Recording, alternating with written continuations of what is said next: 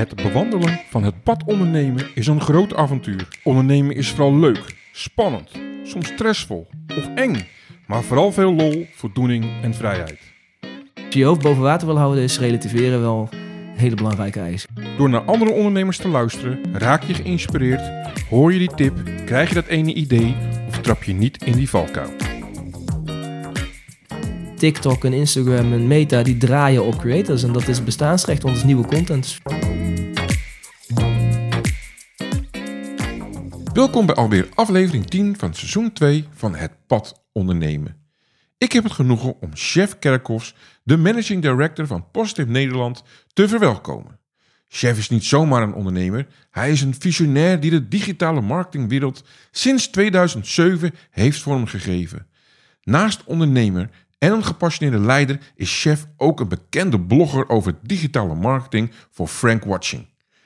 In 2020 stond Chef aan het roer van een succesvolle fusie tussen Kenneth Agentschappen, Daily Dialogues en Havana Harbor, resulterend in het opmerkelijke Positive Nederland.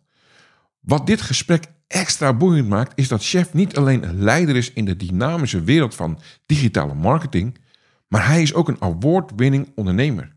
Hij heeft meerdere prijzen en erkenningen op zijn naam staan, waaronder de eerste plaats in de e-mails 100 van 2020, de FD Gezellen in 2018 en 2017 en recentelijk de nominatie voor de MT Reclamebureau 100 van 2023. Welkom, chef. Ja, welkom, dankjewel. Ja, een eer eh, om jou in mijn show te hebben. Ja, ontzettend leuk. We kennen elkaar al jaren, Erwin. Dus Ja, eh, ja. leuk om hier te zijn. Waar is dat eigenlijk begonnen? Waar hebben we elkaar... Was dat bij Red Coon? Dat was bij Red Koen, ja. Hebben wij nog voor jou gewerkt. Ja? Ja. Echt waar? ja. Wij hebben toen met Daily Dialogues een stuk online marketing voor jou gedaan. Gaat het al zo ver terug? Ja, En later ook met vrienden van. Hebben we nog gesproken? ja klopt. Ja. Ja, leuk, leuk. Stel je eens even voor, chef. Voor degene Ja. die jou niet kent. Nou, chef Kerkhoffs, Brabander, Tilburger. Ja, Dat eh, hoor je ongetwijfeld. Ehm, ben in 2011 samen met de kompion Robert, die ken je ook nog, je ken ik zeker. Ja. Daily Dialogues begonnen. Eigenlijk social media bureau, uitvoerend bureau. Dus de schakel tussen strategie en operatie. ja, En, en vanaf daar een hele lange reis doorlopen. En nu zitten we hier aan tafel. Daarnaast eh, heb ik een, eh, een kindje van, eh, van 4,5, bijna 5 alweer. ja, ja. Een schitterende vrouw en, en nog steeds woonachtig in Tilburg. Zo, mooi. Hey, en, en waar komt jouw passie voor marketing vandaan? Want als je chef Kerkos intoetst, dan zie je alleen maar marketing. Ja, dat, eh, dat klopt, ja. Ja. Ja, Waar die, is al heel vroeg, die is al heel vroeg ontstaan. Ja, Ik heb tijdens mijn studie heb ik, eh, ben ik eigenlijk al begonnen met, eh, met werken in de marketing. Mhm. Ehm, toen bij eh, Flashpoint en Power, dat waren twee Tilburgse bedrijven. ja, Die ken je ja power zeker. Ja, Ehm, gewoon als bijbaan eigenlijk. ja. En, eh, en toen kwam social media in Nederland een heel klein beetje op. Dat was grotendeels nog Hives toen. Facebook kwam eraan. En eh, ja, daar heb ik me toen eigenlijk op gestort. Daar was ik al heel erg in ge- geïnteresseerd. Denk, daar ga ik mee aan de slag. En vanaf daar eh, eigenlijk nooit meer losgelaten. Nee. En, eh, en ook nooit meer aan echt een klantzijde gewerkt. Als in, in een normaal bedrijf gewerkt. Altijd voor mezelf eh, actief geweest. ja, want wat, hoe ben je dan op dat pad terechtgekomen? Want die drijfveer moet ergens vandaan komen. Ja, die is eigenlijk best wel eenvoudig. Ik ben ooit begonnen aan de universiteit in Tilburg. Ja? Destijds zat ik meer in de kroeg dan dat ik aan het studeren was. Nou, bekend verhaal. Ja. De- Overgestapt hier in Breda naar commerciële economie aan de Avans. En eh, dat ging me dusdanig makkelijk af dat ik heel veel tijd over had. Ja. En eigenlijk toen gezegd van nou, dan wil ik iets nuttigs doen met mijn tijd. En is begonnen met ondernemen en begonnen met wat klusjes te doen op marketing. Eh, en vandaar eh, nooit meer veranderd. Dus vandaar eigenlijk een één, één rechte lijn door. Je zei net, je hebt een hele reis gemaakt. Ja, ja, ja. Daily Dialogues ben je begonnen, samen met Robert. ja. Met z'n tweetjes echt? Met z'n tweetjes. We zijn ook nog steeds de directie. We zijn inmiddels vier, vijf bedrijven verder. Ja. Maar nog steeds met z'n tweetjes de directie. Zo, schitterend. En hoe is het om ehm, zoiets op te bouwen met elkaar? Want je zegt nou, met z'n tweeën begonnen. Ja. Vier, vijf bedrijven verder. Gaan we straks even verder op in. Maar hoe is het om zo lang met samen iemand te werken? Want dat is niet niks. Dat is niet voor iedereen Nee. weggelegd ook. Nee, en dat zie je ook niet vaak. Dat dat eh, zo lang en zo goed, goed eh, loopt eigenlijk. Hè? Dus Nee. natuurlijk heel vaak hoor je dat er mensen uit elkaar gaan. Uiteindelijk uit elkaar groeien, wat dan ook. Ja, Ja, Robert en ik hebben eigenlijk vanaf dag één aan één woord genoeg. Sterker nog, aan een half woord genoeg. Ja. om elkaar te begrijpen. En, en hebben ook altijd heel duidelijk, een, en we zijn totaal verschillende types. Mhm. Altijd heel duidelijk onderscheid gehad tussen wie doet wat, wie pakt wat op. Maar wel met eh, respect voor elkaars werk. En, en dat, eh, dat gaat dus al inmiddels al 12 tot 13 jaar ontzettend goed. Een half woord heb je genoeg. En, en Ja. zolang de visie maar op één lijn ligt, ja, dan, eh, dan eh, blijft, dat, eh, blijft dat goed gaan. En ik ben er ontzettend blij mee, want in mijn eentje had ik dit ook nooit kunnen en willen doen. Dus we, we werken daarin echt samen. We zijn ook elkaars, ja, hoe moet je dat zeggen, valnet, Ja, Ja, vangnet. Ja, ja. Dat absoluut. bedoelt, je bedoelt zeg maar, als je aan het ondernemen bent, dan loop je nog wel eens ergens tegenaan. Ja, zeker. En dan moet je het vaak in je eentje doen. Ja, En dan ben je elkaars vangnet. ja, ik Op vind, de dat heel slechte knap. dagen bijvoorbeeld. ik vind het heel knap als mensen in hun eentje kunnen ondernemen. Ja? Want het is een ontzettend moeilijk vak. Hè? Daar weet jij ook alles van. Ja, Ehm, een stressvol vak. Dat, eh, dat hoorde ik ook al in de intro. ja. Dus eh, het is heel fijn om iemand te hebben waar je altijd op kunt terugvallen. Robert die zei pas nog, eh, als, als er iets aan de hand is, dan weet ik dat je het oppakt. Weet je? Dan weet ik dat het opgevangen Mhm. wordt, dat ik er niet naar om hoef te kijken. Dan heb ik er vertrouwen in dat het geregeld wordt. Ja, Dat is ontzettend fijn als je dat als ondernemer kunt hebben naast je. Ja. En dat gaat beide kanten op. Dus ik heb dat met hem, hij heeft dat met mij. En dat gaat dus al eh, 13 jaar heel goed. En wij zouden eigenlijk beide ook niet een situatie kunnen zien dat we niet iets samen doen. Dus eh, dat, eh, Nee. dat gaat gewoon eh, heel fijn. 100% Dat is echt 100% vertrouwen.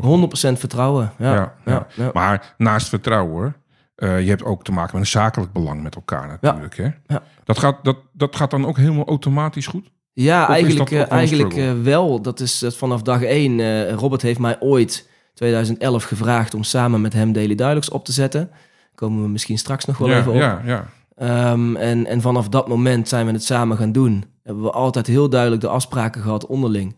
Nou, daarna hebben we het bedrijf verkocht. Ook daarna weer hele duidelijke afspraken. En nog steeds eh, hebben wij gewoon gelijksoortige eh, afspraken met elkaar. ja. Ja. Maar je zei er net, eh, Robert is naar jou toegekomen. Ja, ja. Hoe is dat, hoe is dat proces gegaan? Robert die eh, had op dat moment een website net verkocht. Eh, dat was waarbenjij.nu. Die ken jij misschien niet meer. maar nee, nee. Jonge mensen kennen hem zeker niet. Dat is wel eigenlijk een van de eerste reisblogs van Nederland. Dus daar kon Oh. je reisverslagen bijhouden als je bijvoorbeeld een half jaar in Suriname studeerde of in het buitenland studeerde. Kon je foto's daar uploaden, reisverslagen bijhouden. Ja, daar hebben we nu Beetje- apps voor, hè? Heb je nu apps voor? Beetje als Polestar is nu een. een Ja, het is een hele eh, bekende Polestar. Dat is vergelijkbaar. En eh, hij had dat verkocht. Is vervolgens wat gaan investeren, maar kwam er volgens mij toch snel achter dat hij het zelf aan de knoppen wilde zitten. En, en toen kwam in die tijd kwam eh, webcare heel erg op. Hè? Dus eigenlijk het online leveren Ja. van service. Ja. Ehm, hij zag eh, eh, met zijn achtergrond eh, in Suriname, hij heeft familie in Suriname wonen. Mhm. Hij zag dat eh, eh, callcenters in Suriname veel werk deden voor Nederland. Dus er zijn callcenters in Paramaribo bijvoorbeeld. Ja. En, eh, en toen heeft eh, Robert het idee op zich genomen om te zeggen: volgens mij moeten we dat webcare-stuk moeten we gaan offshoren. En als we dat nou in Nederland faciliteren en in Suriname laten doen. Ja. Ehm, en daar is hij bij eh, naar mij toegekomen met dat idee, Eh, omdat ik natuurlijk al actief was in online. Ja. Ehm, en daar zijn we samen op gaan zetten. Dus eh, hij heeft mij gevraagd om dat te gaan doen. En we zijn dat samen opgepakt. We zijn naar Suriname gegaan. Joint venture opgestart daar. Jongeren zijn, zijn we gaan opleiden. Dus we hebben Nederland, vanuit mensen uit Nederland naar Suriname gestuurd voor een half jaar. Om daar jongeren op te leiden. Een team van denk ik zeven man die we daar in het begin hadden. Zo. Om voor eh, Nederlandse klanten te gaan werken en de webcam op te pakken. En eh, dat eh, Ja, maar dat was, was toen wel vrij nieuw. Ja. Want, want Ja. op welk jaar praten we nu? 2011. Zo. Ja, dat was vrij nieuw. En ik weet nog, ik zat toen al best wel actief in het online netwerk. Hè. Dus de, de- het online wereldje is maar een heel klein wereldje. Ja. Zat ik al vrij actief in. En ik weet nog wel dat de mensen waar wij toen veel contact mee hadden... ook wel enigszins argwanend keken van... hey, dit model, dat is eigenlijk wel interessant... en gaan die mannen ons niet voorbij streven in, in no time.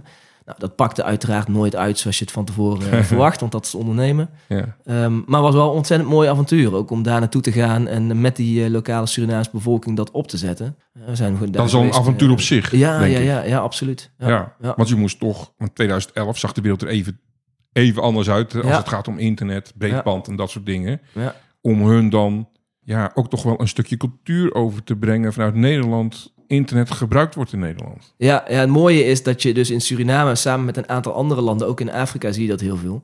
Die hebben eigenlijk de fase van het hebben van een website bijvoorbeeld, hebben ze overgeslagen. hè. Dus die zijn gelijk van niks naar mobiel internet gegaan, omdat eh, Oh. de tussen, de tussenstap was er eigenlijk niet. Dus Nee. op gebied van mobiel zijn zij eh, minimaal net zo ver als ons, zo niet eh, qua adoptie verder. Ja, Eh, alleen er zijn maar heel weinig bedrijven die echt ooit geïnvesteerd hebben in websites, want dat, eh, dat werd daar eigenlijk niet gebruikt. nee, precies, precies. Ja. En het voordeel was dat jij ehm, ja, ook door de loonstructuur, het, Ja. je de service goedkoper kon aanbieden in, op dat moment. Dat was het idee. Hè? Dus we kunnen in Nederland dan goedkoop aanbieden. Zaten we toen 25, 30 euro per uur. Echt hele lage tarieven. Ja, Eh, ja, nogmaals, dat pakte wat anders uit. Maar, ja en hoe is, hoe is dat dan uitgepakt? Want ja, ja, dat was wel mooi. Want wij, wij begonnen daar eh, met het opleiden van een lokaal team. En er gebeurden eigenlijk twee dingen. In Nederland kregen we, eh, zeker gezien mijn achtergrond en mijn netwerk... kregen we vooral consultancyvragen. Dus eh, werd er echt gevraagd om bedenk een plan, kom met een strategie. ja, Konden we natuurlijk niet zomaar in Suriname beleggen. Dus het, Nee. de vraag van de klant was anders dan we hadden ingeschat. Nou, ja. typisch voorbeeld van ondernemen, want dat is Ja, altijd zo. Je Eh, begint dus ergens je- aan, het eindigt ergens aan. Je begint ergens en, en, en je komt er along the way achter dat iemand dat heel anders eh, eh, wil, eh, Ja. wil zien. Ja. Dus we, konden, we moesten toch in Nederland het team gaan opbouwen, dat was één. En een tweede is dat wij merkten dat ze... In, in Suriname was eigenlijk het bedrijf wat we hadden opgezet... was de enige in de regio die dat soort diensten aanbood. Ja. Dus alle bedrijven in de CARICOM-regio die iets wilden doen... die kwamen bij het, ons Surinaamse team terecht. Aha. Het team zat eh, binnen no time vol, waardoor Ja, ze eigenlijk eh, weer geen tijd hadden voor onze Nederlandse klanten. Dus dat eh, was wel ontzettend, ontzettend interessant. Ja, Ja, en ook toch wel cultuurverschillen. hè. Dus Suriname is best wel Amerikaans georiënteerd. Dus de internationale klanten gingen heel goed. Hmm. Maar als we echt voor Nederlandse merken moesten werken... Zeeman hadden we als klant bijvoorbeeld... Blokker als klant. Ja, dan Ja. was dat toch wat moeizamer... omdat zij minder feeling met die merken hebben. ja, ja, kijk, als je hier Ja. blokken zegt, weet iedereen waar ze het over hebben. Maar Ja. toen de tijd daar niet. Nee, nee, nee. Dus, eh, maar je dialog, als je nou werd, daar zitten ongeveer vier, vijf eh, bedrijven tussen. Ja, En niet om nou elk bedrijf te gaan benoemen en helemaal door te gaan. Maar nou, nou weten we tenminste waar het ongeveer vandaan komt. ja, Maar je bent op een gegeven moment, heb je Data Dialog verkocht ja. en heb je een fusie aangegaan. Kun je ons daar een beetje meenemen? Ja, dus tw- 2000, eh, ik denk dat we dan 2016, 2017 zo in die periode. Toen, eh, Robert en ik hebben altijd het geluk gehad dat we met het bedrijf voor hele grote merken mochten werken. Dus dat, dat kwam dan uit het netwerk voort of via via. Als je goed werk levert, krijg je ook eh, nieuw Precies. goed werk binnen. Ehm, we, had, we werkten bijvoorbeeld toen eh, internationaal voor Hunkemuller, wat een hele grote klant voor ons was. We deden Mm. we alle social advertising, social media advertising. Ja. En ehm, we merkten eigenlijk meer en meer, toen zaten we met 10, 15 man, merkten we dat we een beetje tussen de troepen in eh, vielen. Dat een beetje vlees nog vis werden. Dus de- Ja. we waren eigenlijk te klein voor de echte grote jongens, want die willen met grote jongens Jong- werken. Ja, ja. Olifanten doen het met olifanten, wordt wel eens geroepen wat dat betreft. Ehm, dus dat, dat was lastig. We kregen steeds meer met procurement afdelingen, legal afdelingen te maken. En ja. we moesten hele grote sommen eh, media voorfinancieren. Wat we eigenlijk, natuurlijk, dat risico konden eigenlijk niet nemen als relatief Mhm. klein bedrijf. Ja, want dat wordt wel eens vergeten hè? Bij het ondernemen. Van, ik heb het vaak over, succes kan ook een bedreiging zijn. Is heel vaak zelfs een bedreiging, succes. Dat als je gaat groeien, dat het niet zomaar een stap is van, we gaan nog groter worden. Heeft vaak te maken met financiering, voorfinancieren. Absoluut. Hè? Maar ook een heel groot stukje inderdaad juridische aspect. Ja, dat vergeet je inderdaad vaak, of daar denk je niet bij na. Maar als je met grote bedrijven werkt, krijg je contracten onder je neus. Ja. Risicodekkingen en dat soort zaken. En inderdaad, in ons geval, we moesten vrij veel budget voorfinancieren. Ja, eh, tonnen soms. En Ja. als je een relatief klein bedrijf bent...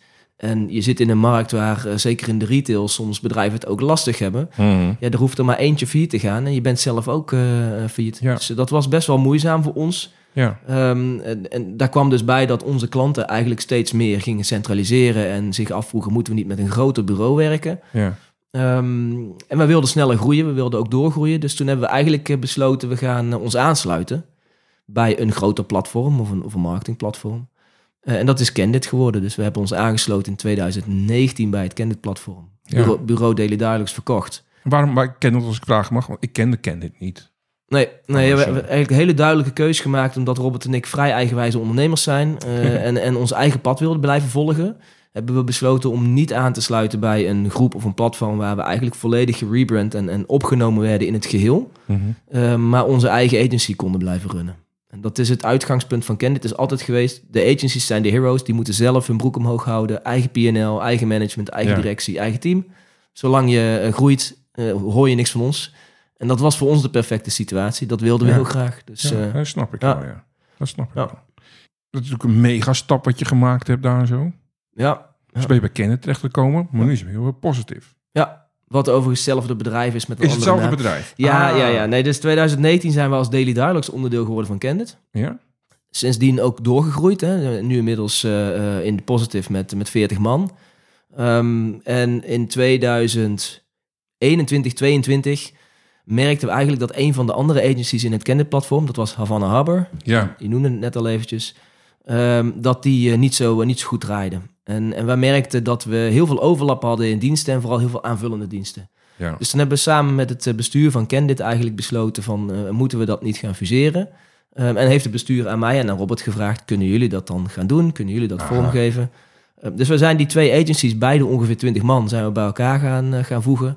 Um, en daar is de stempel, de naam Positive op komen te zitten. Ja. Positive is uh, het digitale bureau dat uh, Candid in Londen had overgenomen een jaar daarvoor. Uh, en vanuit een, een soort van versimpelde positionering en versimpeld gebruik van merken in de markt... Mm. hebben we gezegd, nou dan hernoemen we ook onze Nederlandse digital tak, wat wij dus waren, hernoemen we ook naar Positive. Ah, je, je, zegt het nou even heel snel. Ja, dan doen we eventjes die fusie. Ja, maar ja. dat gaat niet eventjes volgens Nee, dat is mij. een mij- megaproject. Dat zijn megaprojecten en daar zijn wel wat grijze haren bijgekomen, denk ik. Ja, Hè? Denk Ja. ik. Maar eh, wat, wat vond je daar de grootste uitdaging in? grootste uitdaging is communicatie. Ja? Ja, absoluut. Dus wij, wij hebben het geluk dat we ontzettend gemotiveerde teams hebben mogen fuseren. Eh, en ook teams met jonge mensen, dat scheelt. Hè. Die zijn toch Mhm. nog net even wat flexibeler om stappen te zetten. En, en, maar eh, het, het is communiceren vanaf dag één. Ja. Ook als er eigenlijk nog niet zoveel te communiceren valt. Dus ook als je nog niet weet wat je moet gaan communiceren, ma- maak die lijn open. Ga in ieder geval beginnen met met elkaar te praten. Ja. Dus we hebben vanaf dag één geprobeerd om met het team aan beide kanten van de, an- van de beide bureaus eh, heel open te zijn over wat we van plan waren, wat de issues waren, wat de problemen waren, de drempels, maar ook wat, zeg maar de stip aan de horizon was. Mhm. Ehm, en nogmaals, ook als er dus eigenlijk niet zoveel te communiceren viel, toch gewoon eh, met elkaar eh, die communicatielijn openhouden. Dat heeft ons enorm geholpen. Ja. Eh, en daarbij de instelling van de mensen, dat is uiteraard uiteindelijk doorslaggevend. Hè? Als die er niet voor openstaan, dan kun je niks voor Ja. elkaar krijgen. En hoe, hoe heb jij ehm, de cultuur en DNA van beide eigenschappen, agentschappen weten te behouden, te integreren? Want dat zijn toch twee bedrijven. Ja, Jullie hebben echt een, een bepaalde DNA. Ja dus een, een heel pragmatisch DNA, hele Ja. pragmatische ondernemers altijd geweest. En ook onze mensen zo opgevoed. Ja. Ehm, en en dat, is, dat is absoluut het moeilijkste, denk ik, hè, van een fusie, is die, die culturen in elkaar smelten. En eigenlijk, Erwin, heb je meer te maken met een nieuwe cultuur neerzetten. Want je kunt niet twee compleet verschillende culturen en DNA's kun je niet combineren tot eh, Nee. een soort van twee halve culturen. Je moet echt met z'n veertig in ons geval een nieuwe cultuur bouwen. Ja. En dat is ook wat we vanaf dag één hebben gezegd. Van jongens, we gaan dit samen doen. Ehm, en we hebben nu de mogelijkheid om samen een DNA op te zetten. Samen Ja. een cultuur te bouwen voor dit bureau. Ehm, en er veel tijd in geïnvesteerd. En nogmaals, dat moet dan ook van de mensen komen. Ja, nu een jaar later eh, staat er wel een geweldige cultuur en een heel mooi DNA. ja. Als je dat in kernwoorden mag, mag beschrijven. Heb, heb je daar een paar kernwoorden voor? Wat echt zo gestempeld is in die DNA? Ja, eh, niet lullen maar poetsen. Dus eh, toch een Ja, beetje de Rotterdamse De mentaliteit. Rotterdamse mentaliteit, hè? Ja, ook, al zijn, ook al zijn Robert en ik allebei eigenlijk Brabanders. Ja. Ehm, maar echt wel die Rotterdamse mentaliteit. En eh, eh, gewoon keihard werken met z'n allen. eh, eh, play hard, eh, eh, work hard, play hard. Dat Ja. zit er echt wel in. Ehm, heel veel vrijheid en, eh, en, en, en heel informele sfeer. Dus er zijn niet echt hele hiërarchische structuren in het bedrijf. Iedereen Flexibel. Wordt ja, flexibel. Iedereen wordt gewaardeerd voor zijn specialisme. We zijn een bureau van specialisten. Ja. Ehm, weinig managementlagen, weinig hiërarchie. Ja. Waardoor je wel een hele open, informele cultuur krijgt. En een, en een cultuur van heel hard werken. Eh, en een cultuur van eerlijkheid naar elkaar toe. En dat, eh, dat heeft ons zeker wel geholpen. Ja.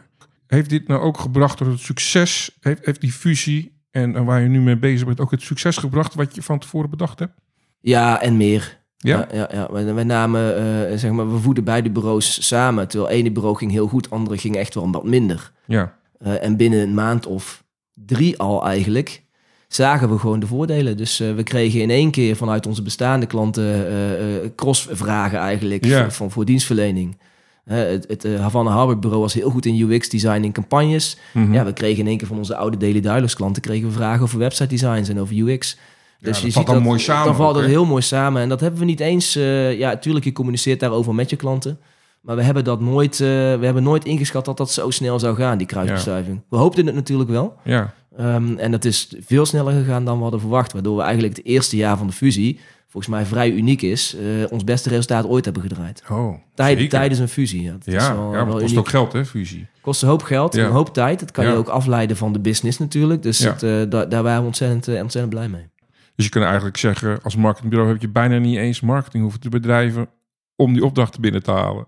Ja, met bouwen op je bestaande klanten, bouwen op je bestaande base. Ja. Eh, dat, dat heeft ons eh, gebracht tot waar we nu zijn. Natuurlijk moet je aan marketing doen. Ja, Ehm, maar het moet ook vooral vanuit je, vanuit je bewijslast komen. ja, absoluut, absoluut.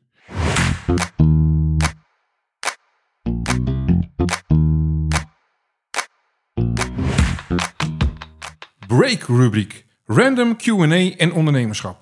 Even wat anders en dan gaan we weer verder met onze gast.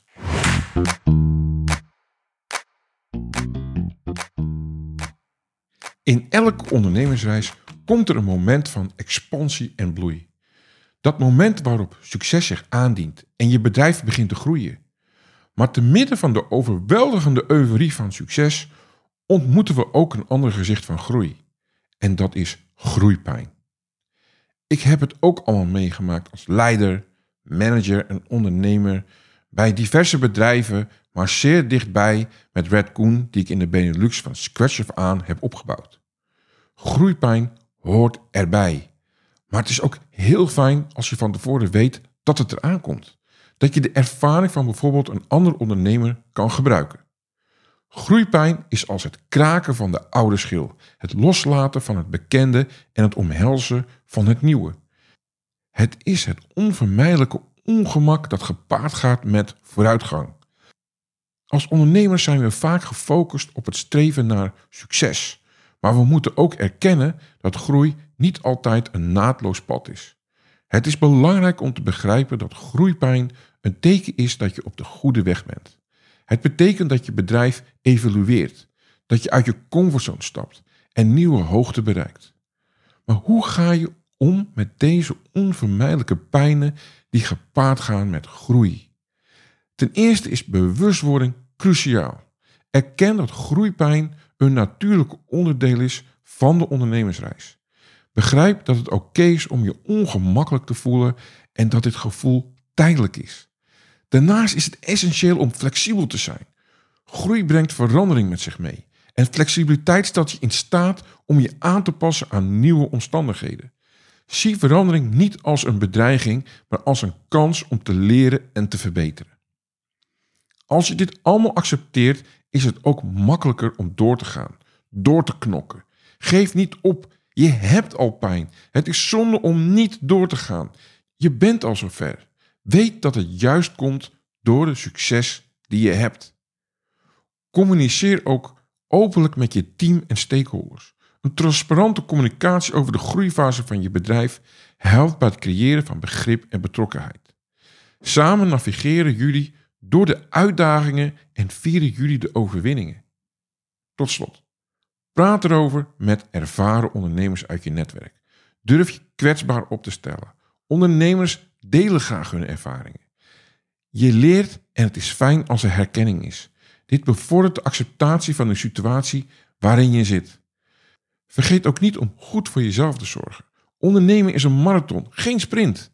Neem de tijd om te rusten, te reflecteren en jezelf op te laden. Accepteer hoe het is, zodat je met hernieuwde energie de groeipijnen kunt trotseren.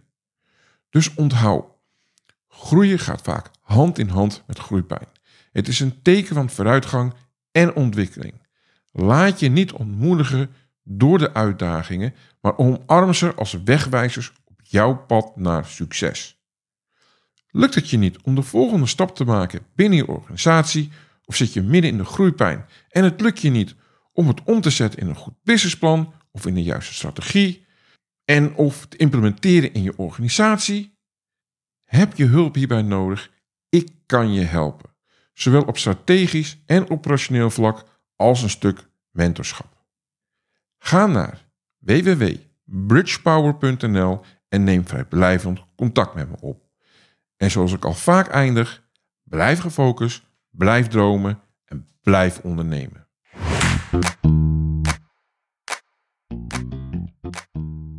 Maar even terug naar jou als, eh, als ondernemer en leider. Ehm, je hebt een boekje geschreven. Wat zou Marcus doen? En dat heeft jou geholpen bij individuele groeiproces naar een moderne leider. Ja, Heeft dit jou geholpen om van ondernemer te groeien naar de leider zoals je nu bent? ja absoluut. Kun je er wat meer over vertellen? Ja, nee, tuurlijk. Ik, ik ben zelf altijd heel erg geïnteresseerd geweest in geschiedenis. Als ik Ja. geen bedrijf was begonnen, was ik waarschijnlijk geschiedenisleraar geworden. ja. Ik kom ook uit een onderwijsgezin, mijn ouders allebei docent. Ah, Ehm, eh, en eh, uiteindelijk eh, altijd geïnteresseerd geweest, ook in filosofie, vanuit, vanuit met name de klassieke oudheid. En, en ook wel op zoek geweest naar hoe kan ik dat nou gebruiken in, in de dagelijkse praktijk. ja. Een aantal jaar geleden ben ik begonnen om, wanneer ik situaties, met situaties te maken kreeg bij klanten of bij mensen in het team, Hmm. om eh, notities te maken voor mezelf, en gewoon in een klapblokje, bij wijze van. Ehm, van hoe ben ik daar nou mee omgegaan? Is dat goed gegaan? Is het verkeerd uitgepakt? Heeft het positief op iets opgeleverd of juist niet? ja. En ik kwam vorig jaar in een gesprek met een, eh, met een relatie van me die zei van... ja, je weet je, schrijf dat eens een keer op. Zou je dat niet gewoon leuk vinden om het een keer in een boekje te zetten? En het is ook een soort van zelftherapie. Hè? Als je iets opschrijft, dan is het uit je hoofd. En dan, eh, dat, dat, dat, dat vind ik gewoon ontzettend leuk om te doen. Dus toen ben ik eh, al die notities van die jaren... ben ik eigenlijk in een, in een boekje gaan, eh, gaan zetten. Een beetje in de vorm van, van een van de publicaties van Marcus Aurelius... wat ook een, eh, een, een bekende Stoïcijnse filosoof is ben ik, dat, ben ik dat op die manier gaan, gaan opschrijven. Een beetje in dezelfde soort stijl.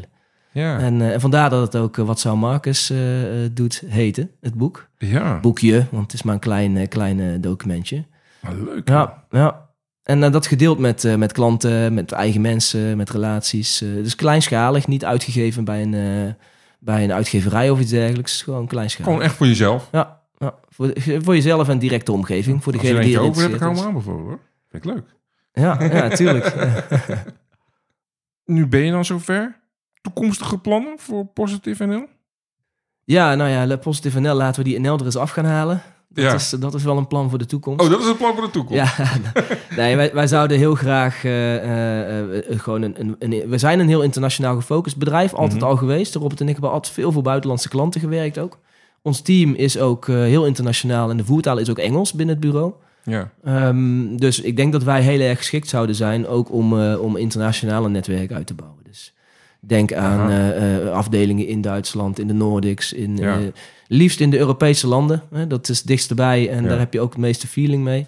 Nou, eh, we zitten natuurlijk met Kennet al in de UK, dus daar ligt dan een hele, hele eh, snelle link te, is al een hele snelle link Ja. te leggen. ja, je bent het toch gewend in principe. We ook, zijn hè? het al gewend om te reizen, in ieder geval eh, redelijk dichtbij te reizen. Vind ik, Ja. ook, vind ik ook leuker dan heel ver weg, eerlijk Ja. gezegd, zakelijk gezien. Dus eh blijven een beetje dicht bij huis, maar wel in het Europese. Ja, Dat is wel de ambitie voor de komende jaren. Ja, dus echt internationaal gaan. ja. Lijkt me toch best wel moeilijk op communicatie en dat soort dingen. Omdat, kijk, jij kent de Nederlandse markt denk ik als geen ander. Zeker als het gaat om, om de marketing en social media, digital marketing. Hè, dat doe, je, doe je al eh, sinds 2007, zag ik. Eh, maar dan een, een, bijvoorbeeld een, een Duitse, een Duitse eh, marktadapte.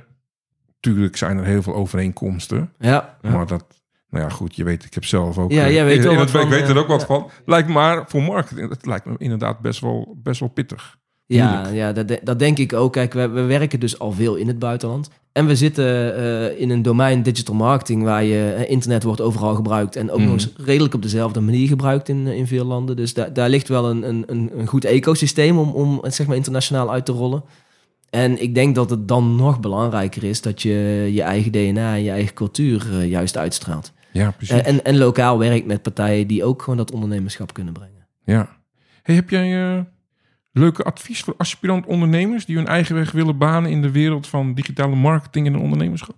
Ja, nou, dat is een hele, hele goede vraag. eh. Ja, hè? Nee, ik denk eh, eh, het mooie aan ons vak is dat je er heel laagdrempelig mee kunt beginnen. Hè? Dus Ja. het is gewoon heel veel tijd investeren, heel veel passie inleggen.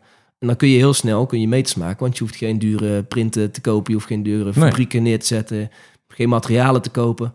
Keihard werken en dan kom je een heel eind. Dus eh, ik denk dat dat, eh, dat is een van onze belangrijkste learnings. Je moet gewoon keihard verwerken. Het is gewoon hard en vies werk Ja, om een bedrijf op te bouwen. bij de poot in de modder. Juist, zeker in onze sector. Ehm, eh, en, en je moet heel wendbaar zijn, want je bent continu in verandering. Elke dag weer. Dus je moet je neer kunnen leggen bij verandering. Ik denk dat dat wel een hele, hele cruciale, cruciaal element is of eigenschap is die je als ondernemer in onze industrie moet hebben. Ja, dus echt veerkracht. Veerkracht. Je, je, moet, je, je bent bewijzen van, er is ook wel een uitspraak die zegt... eh, elk eh, marketingbureau kan binnen drie maanden miljonair zijn of failliet zijn. en dat is eigenlijk ook wel letterlijk zo. Hè? Ja. Dus eh, zoveel marktontwikkelingen waar je weinig controle over hebt. Dus denk aan hoe gaat het bij klanten, hoe gaat het met de economie. Ja, De, de klappen vallen als eerste in marketing en communicatie, Ja. want daar wordt eerst op bezuinigd. Eh, maar ook weer het eerste eh, veel geld ingestoken op het moment dat het goed gaat. Dus je, je- kunt heel, je hebt snel pieken en dalen en daar moet je wel mee om kunnen gaan. Ja. Anders dan ga je het niet volhouden. Eh, dus dat is wel een, een weer, weer wendbaarheid, weerkracht is een hele belangrijke. Ja. Ja, en wat ons betreft, nuchterheid. Dat is echt wel eentje die bovenaan de lijst staat. ja. ja zo ken ik je ook. Kunnen, kunnen relativeren, dat is in Ja. ons segment wel echt... Heel belangrijk. als, je wil, als je je hoofd boven water wil houden, is relativeren wel een hele belangrijke eigenschap. Ja. Je had het net inderdaad over die flexibiliteit. Snel verandering van de wereld. Hè? En, en vooral binnen, binnen marketing. Ehm, gaat het nu door AI nog sneller? Ja, natuurlijk. Ja? dat is Is dat een issue bij jullie ook? Eh, nou, een kans. Ja? Een kans. Kijk, het is eh, gelijktijdig een bedreiging voor je, voor je bestaande business. Mhm. Eh, wij hebben bijvoorbeeld bij Positive hebben we een, een studio met eh, 20, 25 designers, videografen, dus Ja. mensen die creatief werk leveren. Eh, een deel van dat werk kan wellicht op termijn wel eens vervangen worden door AI.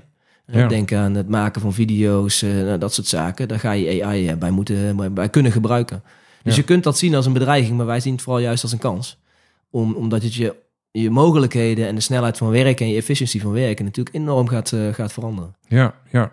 En het is, het is sowieso, hoe dan ook, is het onderdeel van de nieuwe, van de nieuwe mediarevolutie. En dat, dat- we komen natuurlijk ooit van analoge media af. En nou, Ja. zit- nou zitten we in een tijdperk van digitale media.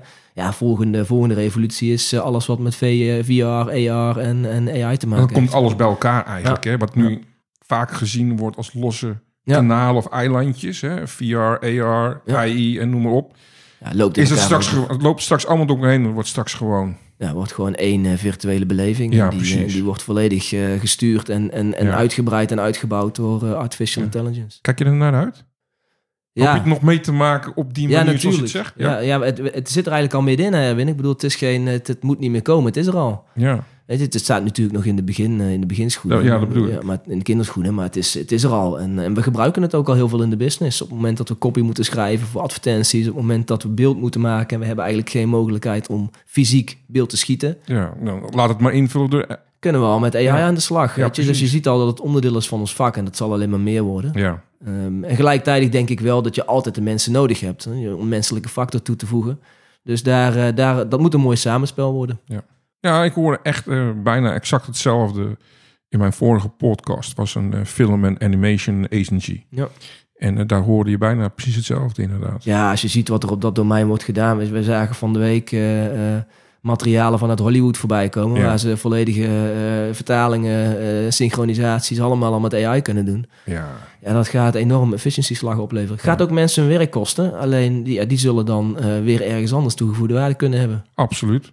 Oftewel, omarm het. Omarmen, ja, je kunt ook niet anders. Je moet het omarmen, anders ben je er denk ik over een paar jaar niet meer als bedrijf. Precies. Ehm, maar eh, eh, ja, omarm het, want het biedt geweldige mogelijkheden. Ja. En er moet nog een heleboel uitgekristalliseerd Tuurlijk. worden, hè, want het is eh, nu nog echt cowboywerk, om het zo maar te zeggen. maar ja, dat gaat ook wel komen. Regulering vanuit overheden, vanuit bedrijven, dat gaat komen, dat weet je. ja, En, ja. en daar moet je dan ook weer mee omgaan. Alleen het is een enorme kans en, een, en een, voor, denk ik voor iedereen en niet alleen voor onze bedrijfstak, maar gewoon voor de hele mensheid, een enorme Ja. kans. Maar je bent ook nog eens een keer een trendwatcher. Nee, Jawel, gebruik, jawel, gebruik jawel, dat jawel. woord niet. Een blogger voor... Je bent ook een blogger voor Frank, eh, Frank Watching. Nou, iedereen die eh, geïnteresseerd is in marketing, met marketing bezig is, kent ze wel. Ja. Je heeft er wel eh, ergens geleerd daar of over gelezen. Hè, het is een heel bekend platform voor marketing. Ja. En je, ja, en je bent gewoon een bekende blogger voor Frank Watching. En elk jaar deel jij inzichten over de nieuwste social media trends. ja. Hoe ga je te werk bij het identificeren van deze trends? Ja, trendwatcher is een te groot woord, eh, Erwin. Want eh, volgens mij bestaat het begrip trendwatcher eigenlijk niet echt. Want je kunt nooit de trends voorspellen. Nee, nee, nee. Wat, wat wij gewoon doen is... Kijk, ik werk natuurlijk heel veel met bedrijven. En ik weet, eh, we, zijn heel goed op de hoogte van wat er gebeurt in dat, in, in, in dat wereldje. In het social media wereldje, maar ook die digital breed. Ja, Nou, op het moment dat je een jaar achter de rug hebt, zoals nu eh, 2023... dan heb je ook gezien van wat is er dit jaar gebeurd. Ja. En dan kun je dat wel een soort van extrapoleren naar wat gaat er dan volgend jaar gebeuren. Mhm. En dat is, dat is eigenlijk wat we doen op het moment dat we trendartikelen schrijven. Op het moment dat ik daarmee aan de slag ga, dan is het inventariseren. Wat is er dit jaar allemaal gebeurd? Wat Ja. zien we nu in de transitie gebeuren bij klanten? En, en, en wat zie je over, over de oceaan in Amerika? Tech, technische, tech, Ja. technologie, technologie-based, wat zie je gebeuren? Ja, en dan, eh, dan, dan extra, extrapoleer je dat eigenlijk naar eh, de trends die, eh, die volgend jaar eh, eh, belangrijk worden. En heel veel verder dan volgend jaar zou ik ook niet willen kijken. In een, in een veranderlijke wereld en in, in ons domein waar het elke dag verandert.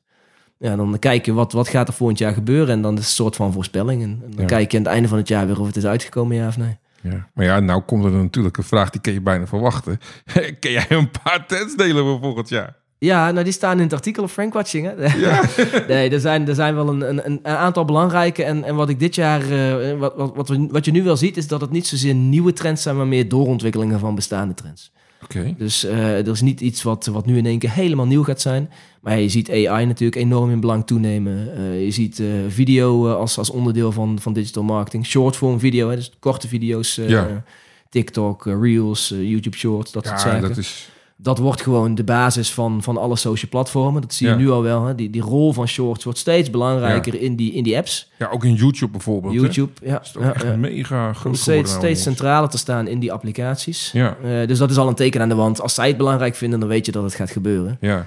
Ehm, en, eh, en, en, en zeker ook eh, waar wij nu steeds meer ook zelf mee te maken hebben, is de inzet van creators in je content. Dus niet zozeer influencers met een grote following, Ja? hè, want die zet je vaak in om een bereik te Ja, halen via ja. het bereik van de influencer.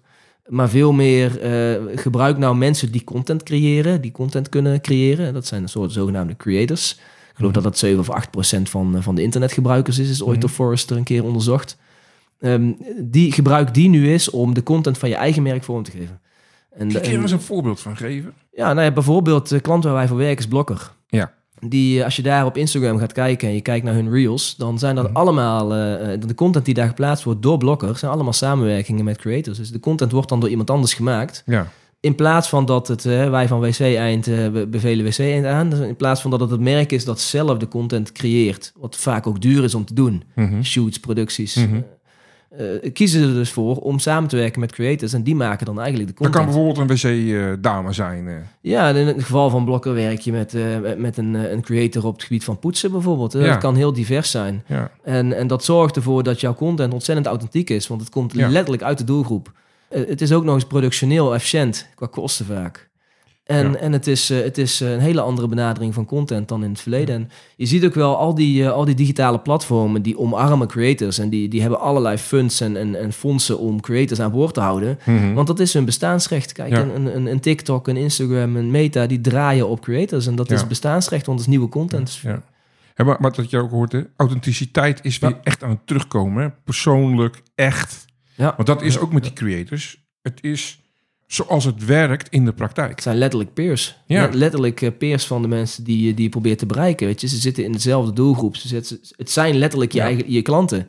En dat is totaal anders dan wanneer jij eh, eh, het zelf over je eigen merk hebt. Ja, je, ziet, je ziet dat dat eh, de owned kanalen, hè, dus dan heb je het over de eigen, eigen social media kanalen, de eigen website, de eigen YouTube kanalen, wat, dan, wat daar ook bij komt kijken. In het verleden werd daar altijd content geplaatst die gecreëerd was door het merk.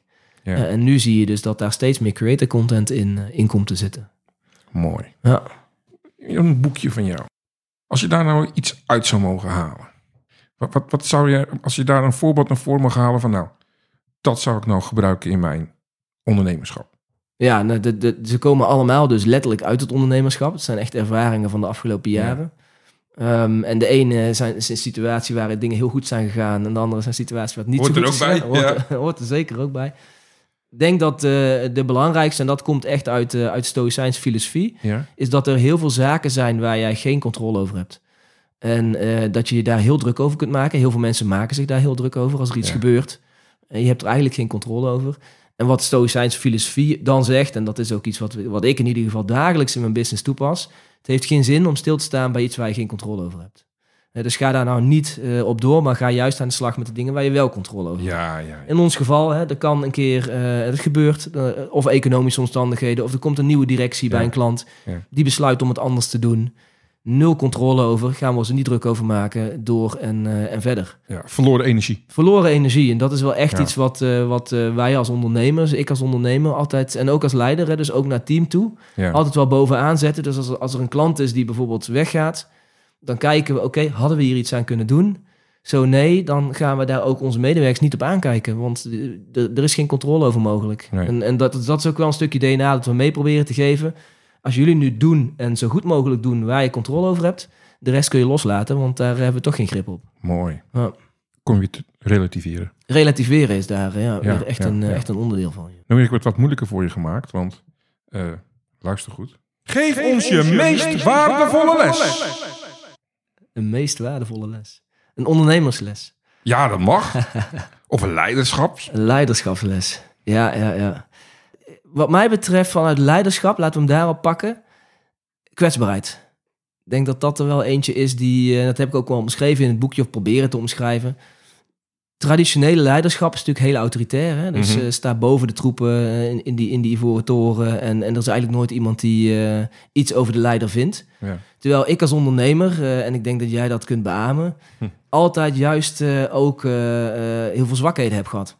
En, en heel veel zeker. twijfels. En, weet je, je, doet het, je moet ondernemen in je eentje of in ons geval met z'n tweeën. Ja. Je bent kwetsbaar in alle opzichten, want je neemt risico, je, je Ja. hebt stress. Het is best wel een, een heftig vak. Eh, Elon Musk heeft daar pas nog hele, hele Mhm. leuke uitspraken over gedaan, van hoe het eigenlijk is om te ondernemen. Het is niet altijd leuk. Nee, en, en heel veel mensen beseffen dat ook niet. Dat beseffen mensen niet. En zeker niet als je leiding geeft aan een eh, bedrijf van, van 30, 40 man. Dan, Ja. dan, dan ben jij toch hè, de manager en de directeur waar niet aan gevraagd wordt hoe het Ja. gaat. Of hoe het, eh, dus het, het kunnen, jezelf kwetsbaar kunnen opstellen en daardoor jezelf heel goed kennen. Ja. Ik denk dat dat wel echt cruciaal is. En, en, en ook kwetsbaar durven opstellen naar je mensen. Weet je? Ik, zeg, Ja. ik zeg ook heel vaak gewoon van ja, dit is echt niet mijn ding. Ik zit zo niet in elkaar. Dit, eh, dit, dit past niet bij mij. Dus Ja. weet dat en dan ga ik het ook niet op die manier doen. Eh, en dat, dat helpt enorm eh, voor jezelf vooral. Weet je, ook denk ik wel voor de mensen om je heen, maar vooral ook voor jezelf. Mooi. Komt de laatste vraag. De laatste ronde. De ondernemersuitdaging. In welke valkuil zal jij niet meer stappen als ondernemer?